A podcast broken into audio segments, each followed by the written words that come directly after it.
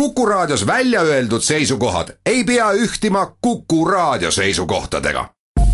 Te kuulate Kuku Raadiot. mehed ei nuta. elus on mängu, mängus on elu, aga spordis mehed ei nuta. Unibet, mängijatelt mängijatele. mehed ei nuta. Tere teisipäeva, Mehed ei nuta eetris, siin Kuku raadio stuudios on Tarmo Paju Delfist, tere päevast! Jaan Martinson Delfist, Eesti Päevalehest ja igalt poolt ja Peep on jällegi kuhugi meil jalga lasknud, Peep, kus sa pesitsed? no tere, tere, pesitsen niisuguses kohas nagu Kääriku spordikeskuses ja igati tipp-topp koht ja, ja, ja, ja teeme siin poistega trenni, ehk siis valmistume uueks korvpallihooajaks.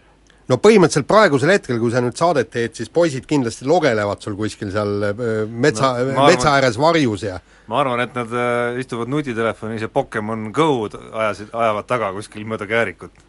no vaevalt küll, poistel on veel aega logelda täpselt äh, kolmkümmend viis minutit, siis nad alustavad ise, iseseisvat jooksuga ja kui ma siin selle jutu iseseisvat jooksuringi. läheb, läheb päris ahah, no põhimõtteliselt see iseseisev jooksuring, kas see on, on niisugune ring, et, et äh, punktist A lähevad ära ja nad peavad selle ringi ära jooksma selleks, et jõuda sinna punkti A tagasi? no ma arvan küll jah, et äh, siin väga palju lõikamiseks väga häid kohti vist ei ole, et see on ikka korralik viiekilline ring, et et neil on paras see nagu sissejuhatuseks ära sörkida. kas on mingisugused ajapiirangud ka pandud poistele või?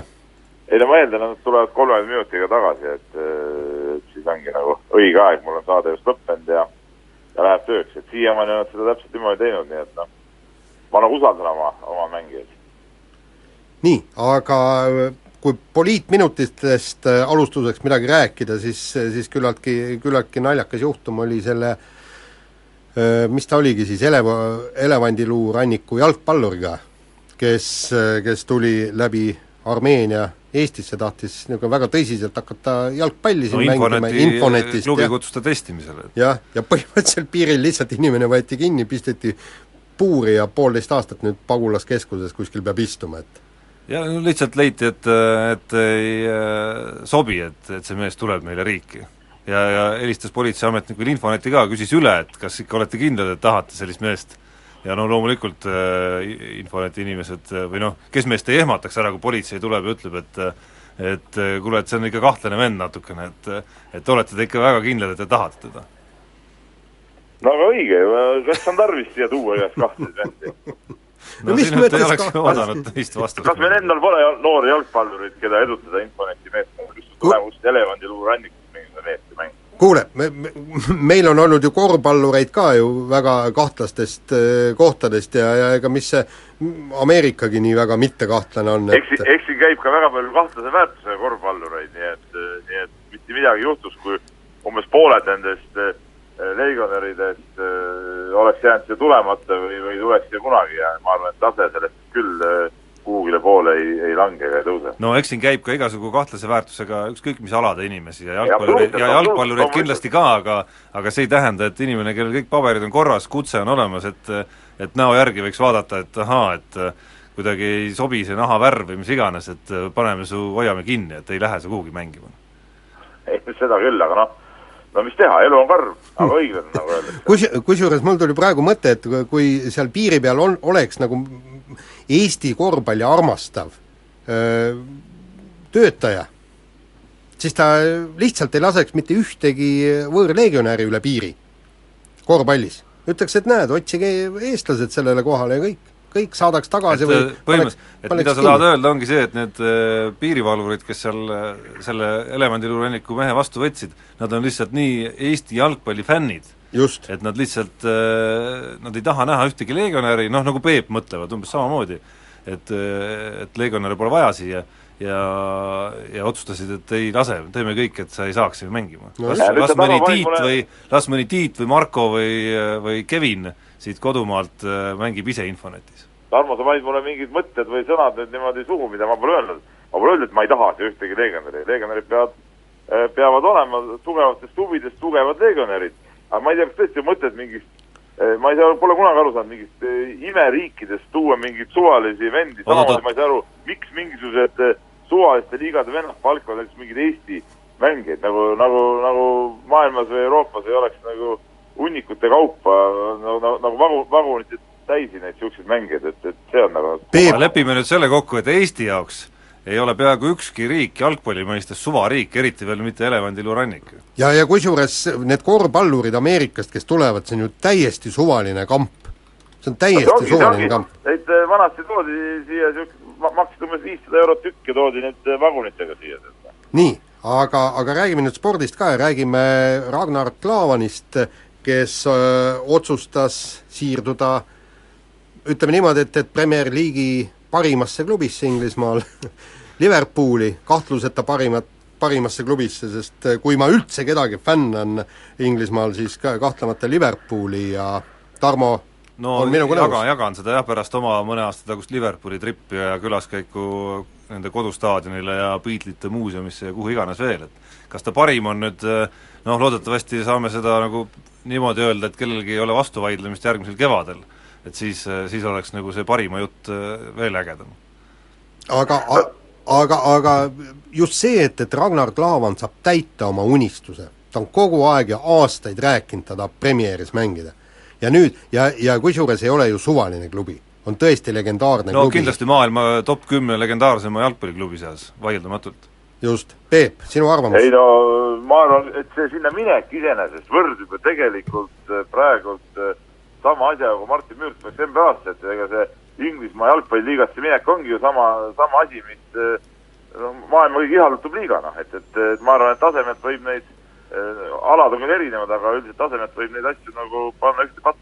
ja ei, kindlasti on see Eestis ütleme, pallimängude spordi kõige kõvem sündmus pärast Müürsepa minekut, et ületab isegi Mart Poomi mineku Arsenali, kes läks sinna ikkagi karjääri päris loojangul ja ja noh, sellisesse no ma usun ikkagi väiksemasse rolli, kui, kui nähakse ette Ragnar Klavanile, tõsi, eks see roll seal Klavanil selgub töö käigus ikka lõppkokkuvõttes, aga mind noh, esi-, Ragnar Klavani puhul noh, siin võiks eeskuju võtta päris paljud pallimängijad, esiteks tema karjääri mõistes, mis on nagu selline musternäide sellest, mismoodi Eestimaalt äh, kuhugi sellistesse kaugustesse jõuda, et ikkagi kusagil seal kaheksateist, üheksateist kandis juba välismaale, äh, sealt samm-sammu haaval Hollandist siis Saksamaale niimoodi astme võrra ülespoole ja lõpuks siis jõuab ära oodata ka oma aja ja mis, mis on minu arust veel imetlusväärne, et äh, seesama case, kus ta on nüüd olnud Augsburgis ja on öelnud juba, juba varem ju mitu korda, et unistus on nüüd üsna varsti juba ja see ajaaken ju hakkab tema jaoks sulguma ikkagi.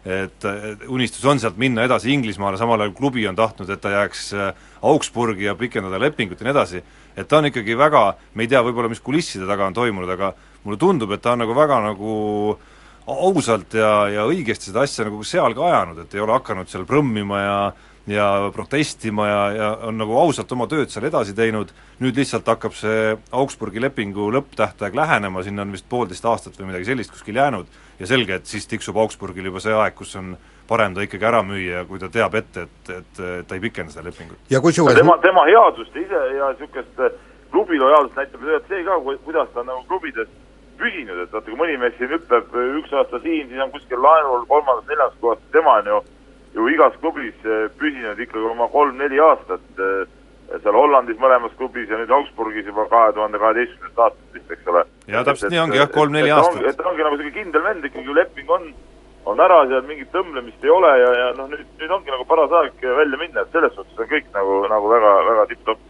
ja kusjuures kõikidele teistele noorsportlastele peaks olema eeskujuks Ragnar Klavani tööeetika. ja, ja just see kui meeletult palju ta enesearendamiseks teeb, et siit on läbi aastate intervjuudest on ju kuulda, et, et ta on, ta on tõesti nagu töönarkomaan ja, ja umbes samasugune vend nagu Mart Poom ja ei ole ju mingit üllatust, et need mehed jõuavad, jõuavadki kõige kaugemale. me ei räägi siin mingist õnnest ega tutvustest ega midagi, kui sa teed kõvasti ene, ennastsalgavalt tööd, unistused täituvad. ja tal ei ole kindlasti õnne, õnne peab ka olema, aga palju õnnega muidugi sellisel tasemel äh, läbi lööda. ja noh, ma saan aru nüüd jalgpallispetside eelvaadetest, et eh, noh, teooria võib isegi olla, et ta läheb sinna eeldatavalt viiendaks keskkaitsjaks, vähemalt pikemas perspektiivis ja vähemalt praegu paberil, aga kindlasti on ta tõestanud juba Saksamaal ennast sellise tasemega meheks, kes ei pea küll seda väljakutset kuidagi pelgama seal, et et kui mees on valitud ikkagi regulaarselt seal Saksamaa liiga paremate keskkaitsjate hulka, siis ei ole tal ühtegi põhjust kuidagi väga pelglikult minna sinna ja mõelda, et noh, et äkki mul õnnestub midagi, et vastupidi, mul on tunne, et tal on põhjust väga enesekindel olla, kui ta, kui ta ükskord Liverpooli treeninglaagrisse jõuab. ja ma olen üsna kindel, et ta ei lähe sinna osalema, vaid ta läheb tõest-, tõesti võitlema selle põhikoosseisu koha pärast. aga huvitav on see, mis saab nagu siis, kui tal ikkagi noh, ei õnnestu sealt neljanda-viienda keskkaitse positsioonilt välja murda, et et et niisugust olukorda tal polegi nagu olnud, eks ole, et, et kui ta peab lihtsalt eh, pingil istuma võib-olla kuskil reservmeeskonnas mängima, mis kindlasti pole nagu see päris, et, et mis, eh, mis tast nagu siis saab või, või kuidas ta siis sellele reageerib. okei okay,, ühe hooaja kannatab ära, aga, aga, aga mis, mis nagu edasi saab? no põhimõtteliselt äkki siis antakse kuhugi laenule, aga sinnasamma Premieri klubisse või, või, või siis teeb tõesti, läheb mõnda teise, teise klubisse mängima, aga, aga ootame ikkagi selle kõigepealt selle nii-öelda esimesed kuud ära ja vaatame, kuidas ta Liverpoolis pai-, paistab ja, ja kui tõsine see võitlus selle koha pärast on, aga nüüd teeme reklaamipausi. mehed ei nuta. elus on mängu, mängus on elu, aga spordis mehed ei nuta. Unibet, mängijatelt mängijatele. mehed ei nuta jätkame kiire vahemänguga ja Eesti kergejõustiku meistrivõistlustest äh, pikemalt räägime veidi hiljem, aga esmalt siis äh, skandaalne juhtum, nii-öelda skandaalne juhtum neljasaja meetri tõkkejooksus, kui Jaak-Heinrich Jagor taheti dis-, diskvalifitseerida sellepärast, et ta oli nii-öelda jäneseks oma vennale, kes parandas oma isiklikku rekordit äh, pooleteist sekundiga pea, peaaegu, ja jooksis seal kõrval ainult viimaste meetritega võttis selle kullavõidu ära ja põhjendus on see, et äh, äh, Jaak-Henrich Jagor ei keskendunud oma võistlustele ja, ja ei andnud ennad, endast äh, kõik sellel võistlusel. no see oleks idiootsemaid äh, uudiseid, mida ma viimasel ajal üldse lugenud või kuulnud või või näinud, et mis, mis, mis, mis jabur jutt, mis ei andnud endast kõik, no aga kui näiteks kõrgushüppaja, kes on võimeline hüppama näiteks kaks kolmkümmend, hüppab kaks kakskümmend viis, kas siis ütleme ka, et ei andnud endast kõik ja võtame talt, ütleme, et ta medalit ei saa? ei no siin on kõige lähem näide oli või, või, või, või, või ütleme, plaksutas rütmi seal, mõni kaugushüppaja plaksutas konkurendile rütmi ja innustas teda kaugemale hüppama ja selle eest võtame talt nagu, nagu võidu ära. Peep, kõige lähem näide oli ju Xenia Balta näide, kes loobus kolmest katsest. ta ei andnud ja. ju endast kõik. ei, muidugi ei andnud, selge see, noh selge see, noh. ja ma arvan, et muuseas näiteks Kaur Kivistik äh,, minu silmis väga tubli jooksumees, ta ju seal äh, jooksis kahte distantsi tunniäärse vahega. ma arvan, et ta tegelikult esimesel distantsil äh,, vaadates ka seda aega, eks ole, see takistusjooksus, ta ei andnud ka endast kõike, sest noh, tal pärast oli teine jooks veel ja ja, ja ta ei andnud ka endast kõike ka ära võtta medal minu arust on üks kõige nagu veidramaid asju on selles kõiges näha sellist, äh, kuidas see sõna oligi seal teadustega ütles, et, et mingi veiderdamine või nagu tola mängimine, et tegelikult oli see ju üks äh, kõige ägedamaid emotsioone üldse, mis Eesti kergejõustiku meistrivõistlused pakkusid, et äh, olgu ta kohapeal olijatele või teleka vahendusel, mismoodi vanem vend aitab oma nooremat supertulemuseni, utsitab teda selle kõige käigus, ta teeb seda tõkkejooksus, kus ütleme, tõkete ületamisel on äh, eriti veel lõpusirgel ikka teatavad ohud ka juures.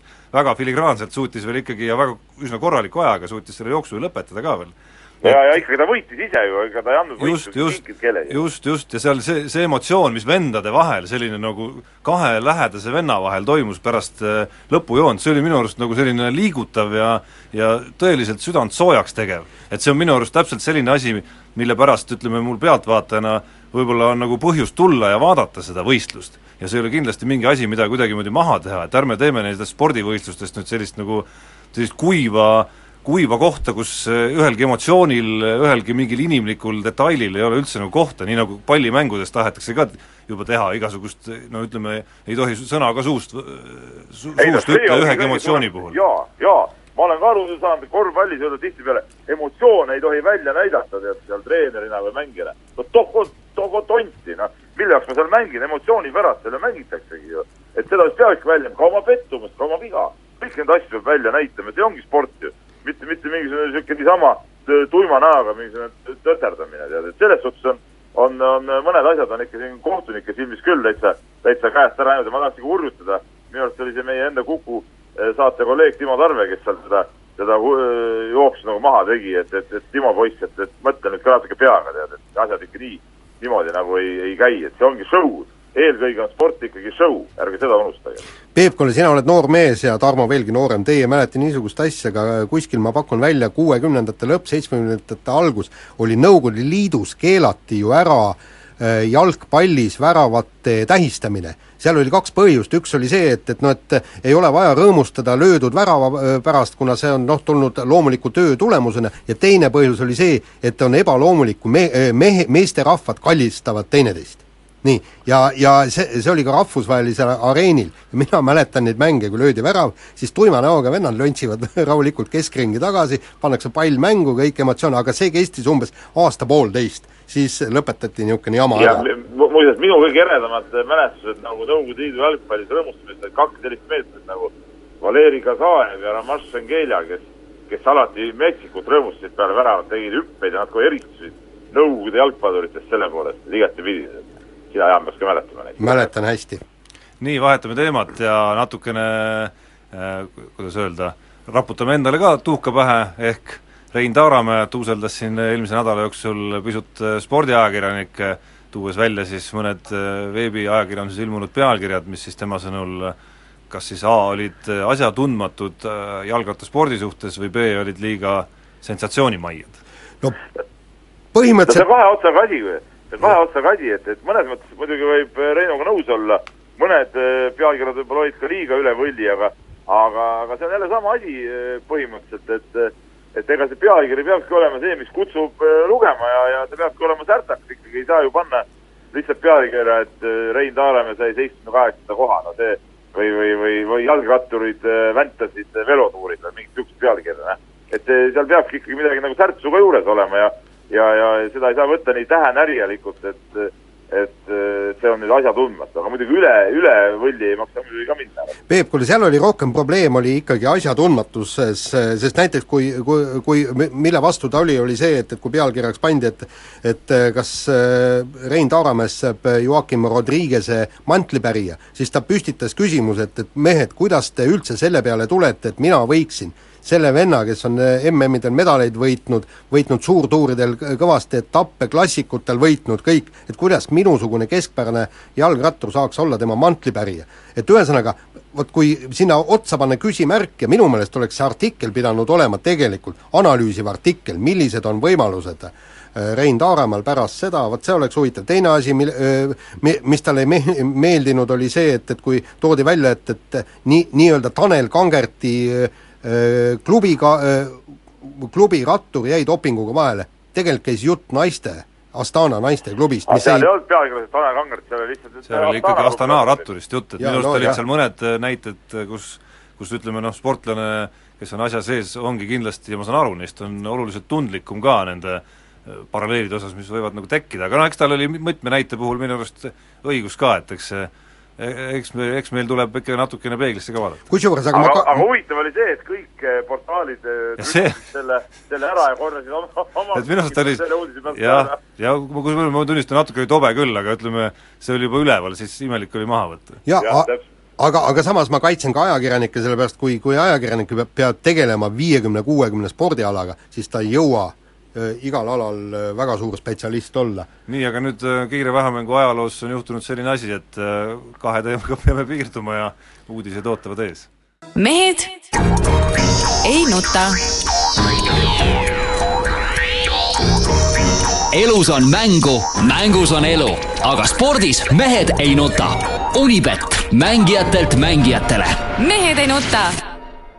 Uudised kuulatud, jätkame saadet, Tarmo Paju, Jaan Martinson on Kuku raadio stuudios ja Peep Pahv siis naudib äh, Käärikul sooja suveilma. kas sa oled ennast ka liigutanud ikkagi või? kuule, eile taaskord eh, tõestasin, kuidas trennijärgses jalgpallis, ütleme, ikka vanameister keskvälja taas valitses. ütleme nii, et minu võistkond sai suureskoorilise võidu, kõik väravaolukorrad algasid sellest, kuidas ütleme, keskelt eh, täpsete söötudega viidi siis ütleme, mehe mehed nagu rünnakusse ja sealt oli ainult ära kõksamise vajadus, et no minu mälestus äh, äh, lapsepõlvest ja hoovi jalgpallist või ükskõik mis spordialadest, võistkonnaaladest on see, et kuidas, või kekatundides kas või, kuidas käis võistkondade valimine, et valitakse välja need kaks, kes valivad, on ju, ja siis hakatakse kordamööda valima, paremad mehed enne ja siis need äh, nõrgemad seal lõpus. et ma saan aru, et sa oled, Peep, korraldanud nii, et valid need kaks tükki välja ja siis äh, vaatad esimesena valivale mehele otsa sellise pilguga, et kui sa nüüd mind esimesena ei võta, et siis äh, vist tuleb üks käärikuring otsa kohe. ja tegelikult käib asi muidugi nii, et, et me mängime ikka vanad ja noored tavaliselt ja ja, ja tavaliselt ma mängin, mängin äh, noorte poole peal, aga seekord, seekord äh, vanemaid oli vähem ja siis ma mängisin vanemate poole peal, et, et aga noh, täna ma ilmselt lähen noorte poole peale, et nad said liiga liiga haledad ja ma näitan nagu vanemate vastu, kuidas asi tegelikult käib. Peep, aga tegelikult on ebavõrdne võitlus äh, käib äh, seal väljakul, sellepärast et sinul on hoovijalgpalli taust, aga teistel mulle tundub, et kahjuks ei ole. ei, ega eriti ei ole jah, muidugi. aga sellest ja tegelikult see, tegelikult see on nagu kurb nüüd, kui tõsiselt rääkida, kuidas äh, tänapäeva noortel ikkagi see, see, võib-olla ma pean siin ennast treenerile endale ka natuke tuhka pähe raputama, aga aga kuidas niisugune üldine erinevate alade tegemise oskus nagu tegelikult puudub, et kui ma vaatan Äh, õhtul seal äh, kutid mängivad siin äh, Liiva väljaku peal natuke võrkkonda oksinud. ja vaatad, ega tegelikult ka võrkpalli väga mängida ei osata, et, et ikka käib niisugune suht niisugune robustne üle, ülepõmmimine ja mingeid täpseid tõsteid ja ja, ja kõvaid ründalööke, nagu, nagu mäletate, kui meie kolmekesi mängisime õdede Bratuhhinate vastu, selliseid asju muidugi ei näe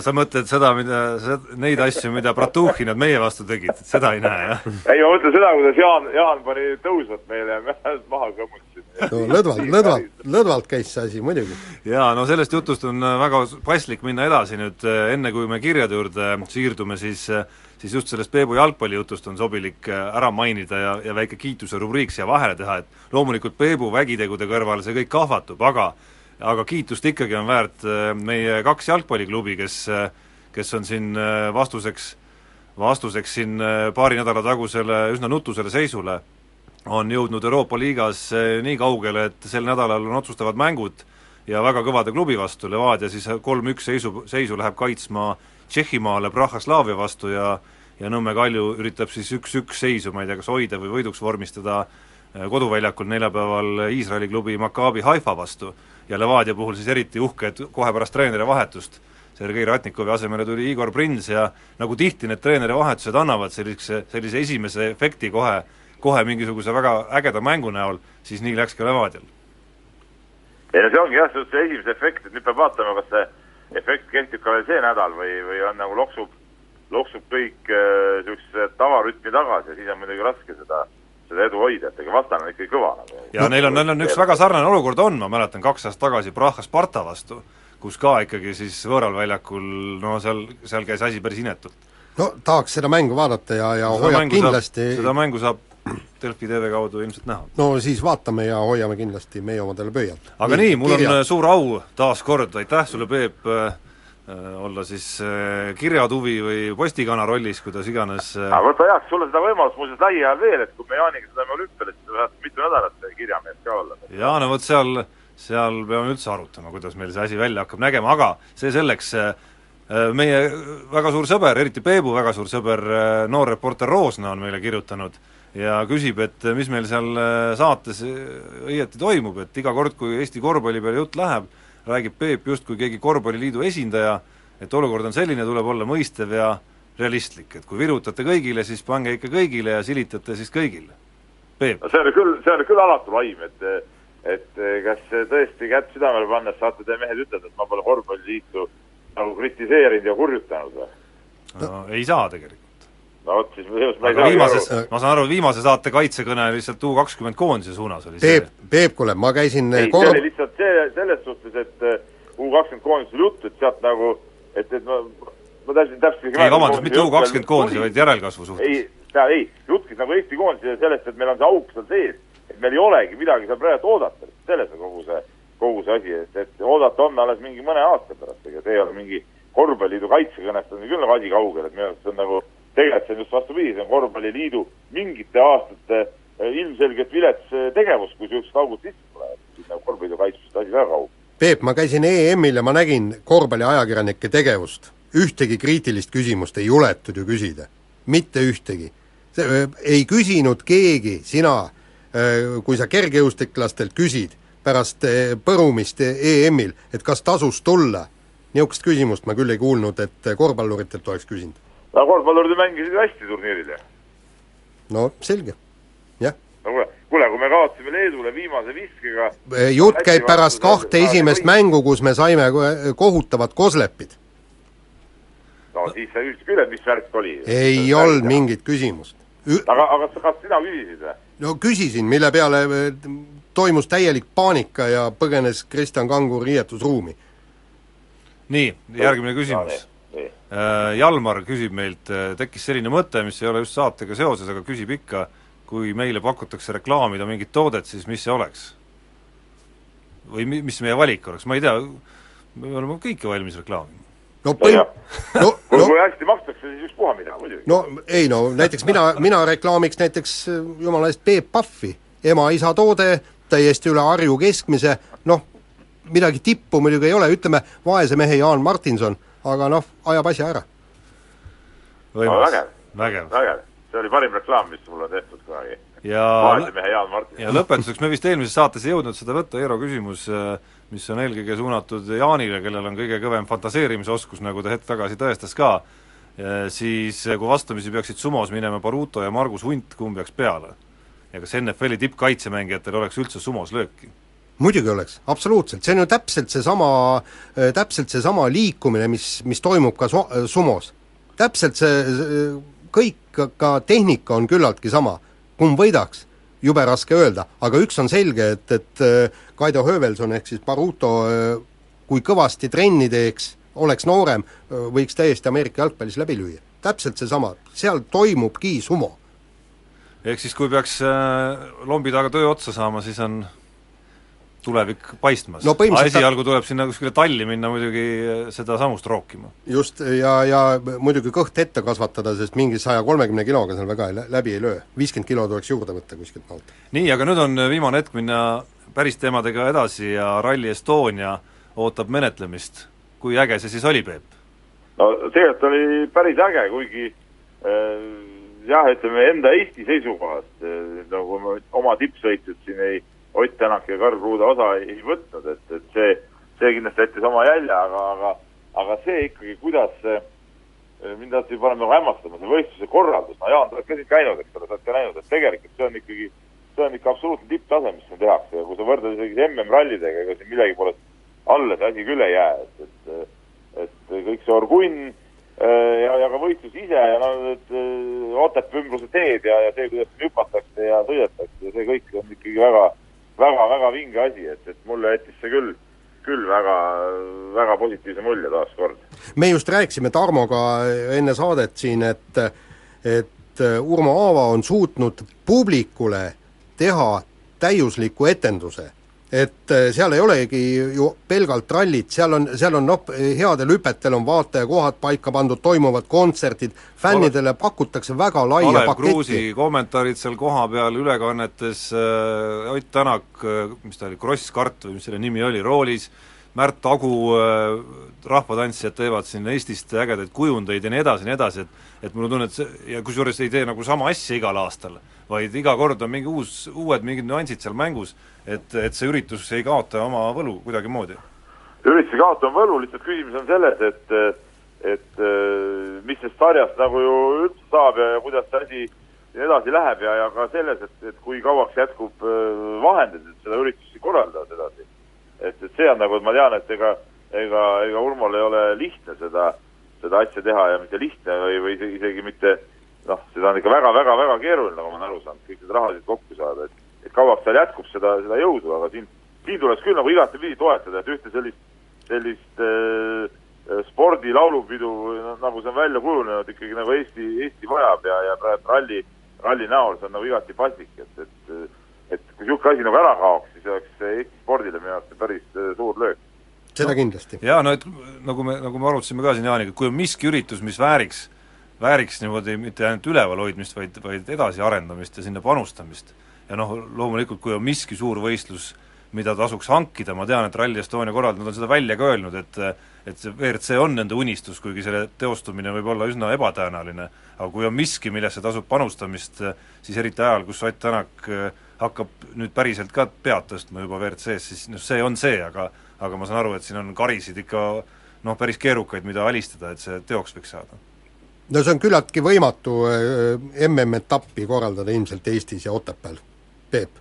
no selles suhtes, et ma kardan, et sellisel juhul peaks see radade valik minema ka otsapidi vist sinna Põhja-Lätti ka, et, et muidu lihtsalt ei jätku piisavalt äh, neid pikki teid ja, ja, ja ka keerukaid teid, et teadupärast see on ju ka niisugune maailmas ainulaadne ralli, kus on ikka see kiirus on, on väga suur ja sellepärast ka need kuulsad N-rühma autod, mis, mis viimastel aastatel rahvusvahelistel rallidel sõidavad, need suured N-id, suudavad siin nende R5-ga siin võidu sõita ja nii edasi, et, et et võib-olla MM-i jaoks need mõned teed on ikka liiga, liiga sirged, aga, aga aga ma arvan, et võib-olla näiteks jah, kui Põhja-Lätti ka see ots viia, et siis ja võtta veel siit Võru ümbrusest teid juurde, noh, võimalik võiks ju see olla iseenesest, aga see eeldab muidugi jälle rahaliselt muidugi, ma ei tea, kordades, kordades suuremaid võimalusi kui, kui praegu see ERC etapp just, aga riik peaks panustama siia brutuaalsesse sporti, aga nüüd kuulame vahepeal reklaami taas.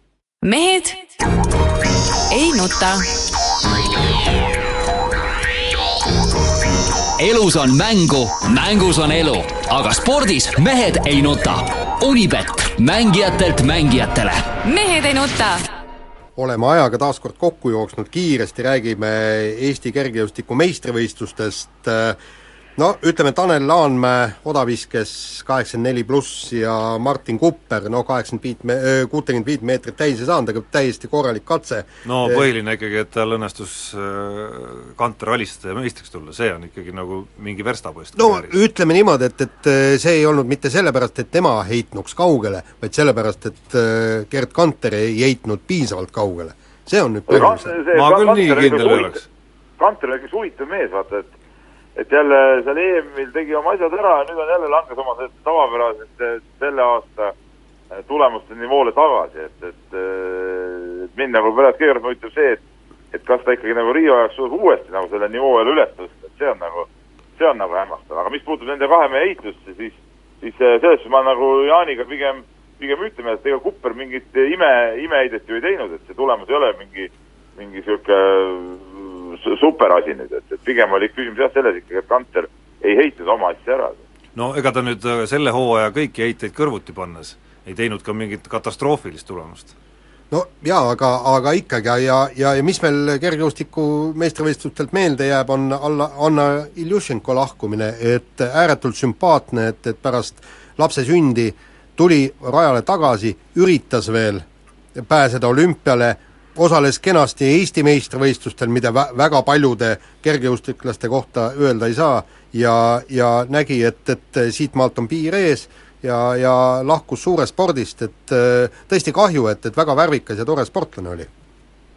no kindlasti, ma olen Annaga siiski päris palju ka võistlustel kokku puutunud ja näinud teda ka tippkonkurentsi te, tegemist oli ikkagi ikkagi sportlasega, kes oli võimeline ka suurvõistlustel, ütleme seal lõppvõistlustel jõudma nii MM-il kui siin EM-il ja, ja see, see näitab ikkagi tema taset ja, ja tegelikult on jube kahju, et ta ei suutnud peale seda lapse sündi ennast motiveerida sporti tagasi tulema nagu täie, täie jõuga, et tegelikult niisuguseid näiteid ka naiste kõrgushüppes on ju küll olemas, kus, kus on sünnitanud ja on tagasi tulnud ja teinud veel, veel täie hooga edasi, et selles suhtes on, on kahju, et ega see vanus kolmkümmend nüüd ei ole midagi sellist, et, et ei, et ei võiks teha nii, aga, aga nüüd räägime siis, siis viimasest teemast ja äh, kurikuulsast McLareni raportist, kus tuuakse välja, kuidas Venemaa riiklikult äh, soodustas äh, dopingu tarvitamist, kaitses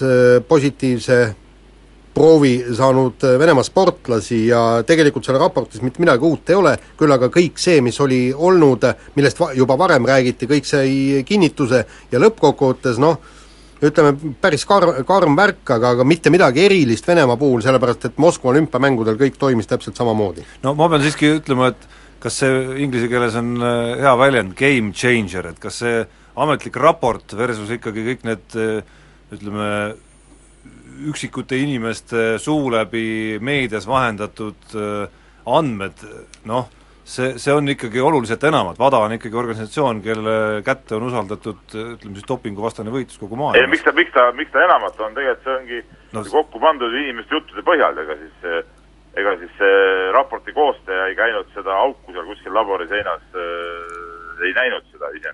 aga, no, aga seal nad- oli siiski pisut enamat, pisut enamat kui ainult jutud ja ja ja noh, see ongi see vahe, et me oleme ikkagi, meie või spordimaailm on usaldanud WADA kätte eh, kogu dopinguvastase võitluse ja kui nende nii-öelda ametlik ja enda väitel täiesti tõestatud eh, faktid ütlevad nii, siis minu arust see muudab mängu natukene juba. ja kusjuures seal on selle, selles Kas- osas just, et- selles osas just mängu, et kas, kas me peaksime üldse rääkima Vene, Venemaa eemale jätmisest või mitte. aga minu arust on see küsimus, et kas kogu see asi ei näita äh, WADA täielikku läbikukkumist äh, ka mõnes mõttes dopinguvõitlusega, et kuidas, kuidas sai äh, selline asi üldse juhtuda, et üks äh, üks riik ja, ja WADA poolt ka aktsepteeritud mingid dopingulaborid ja ka olümpiamängudel veel äh, dopinguproovidega on võimalik niimoodi üldse mehkerdada, kas see ei näita, näita ka WADA kui organisatsiooni omakorda, no Venes, Venes, eks ole, see on selge see, et, et kui seal nii tehti, siis, siis see on nagu käsitlematu, aga aga, aga, aga WADA ise peakski ka minu arust kõvasti peeglisse absoluutselt ja nii ROK kui WADA nagu- minu arust ja üldse on nagu suurvõistlus täitsa uskumatu tegelikult. ja üldse suurvõistluste korraldajad, kuidas saab olla, et korraldaja riigil on üldse nagu olemas sellised mingisugused tagateed, ükskõik, no muidugi see ei arvesta ju, et keegi terve mõistusega inimene hakkab äh, tunneleid kaevama kuskil, aga aga kuidas saab olla ikkagi korraldaja maal selline võimalus üldse? Ja, ja teine asi, noh, need, need kindlad purgid, mida ei saa lahti teha, selgus, et saab tegelikult lahti teha küll. Ja nüüd see McLareni raporti koostajad, nad proovisid ise ka, kas on võimalik seda purki lahti teha, leidsid, et jah, ongi võimalik. et nad ei väida, et, et venelased kasutasid sama meetodit, aga, aga tegelikult on kõik see võimalus, võimalik. Ja tõ-, ja aga, tõesti aga, aga selles valguses, Jaan, ei tea üldse ühtegi maailmas võetud proovi, kas see on õige, kui Just, kui need purgid on kõik just. avatavad ja, ja nii, nii me ei saagi, okei okay,, venelaste puhul nüüd tõestati ära, et seal olid, olid tõesti mingid, mingid jõud ja asjad, aga, aga mis siis mujal toimub, et, et kui vaatame seda pilti nagu laiemalt, et siis seepärast ma ütlengi, et kogu see dopinguvastane võitlus ongi nagu, nagu läbi kukkunud täielikult, totaalselt. absoluutselt ja lähipäevil saab teada, kas venelased lubatakse Rio de Janeiro olümpiale või mitte, aga sellega lõpetame saate ja kohtume täpselt nädala pärast. mehed ei nuta. Elus on mängu, mängus on elu, aga spordis mehed ei nuta. Unibet, mängijatelt mängijatele mehed ei nuta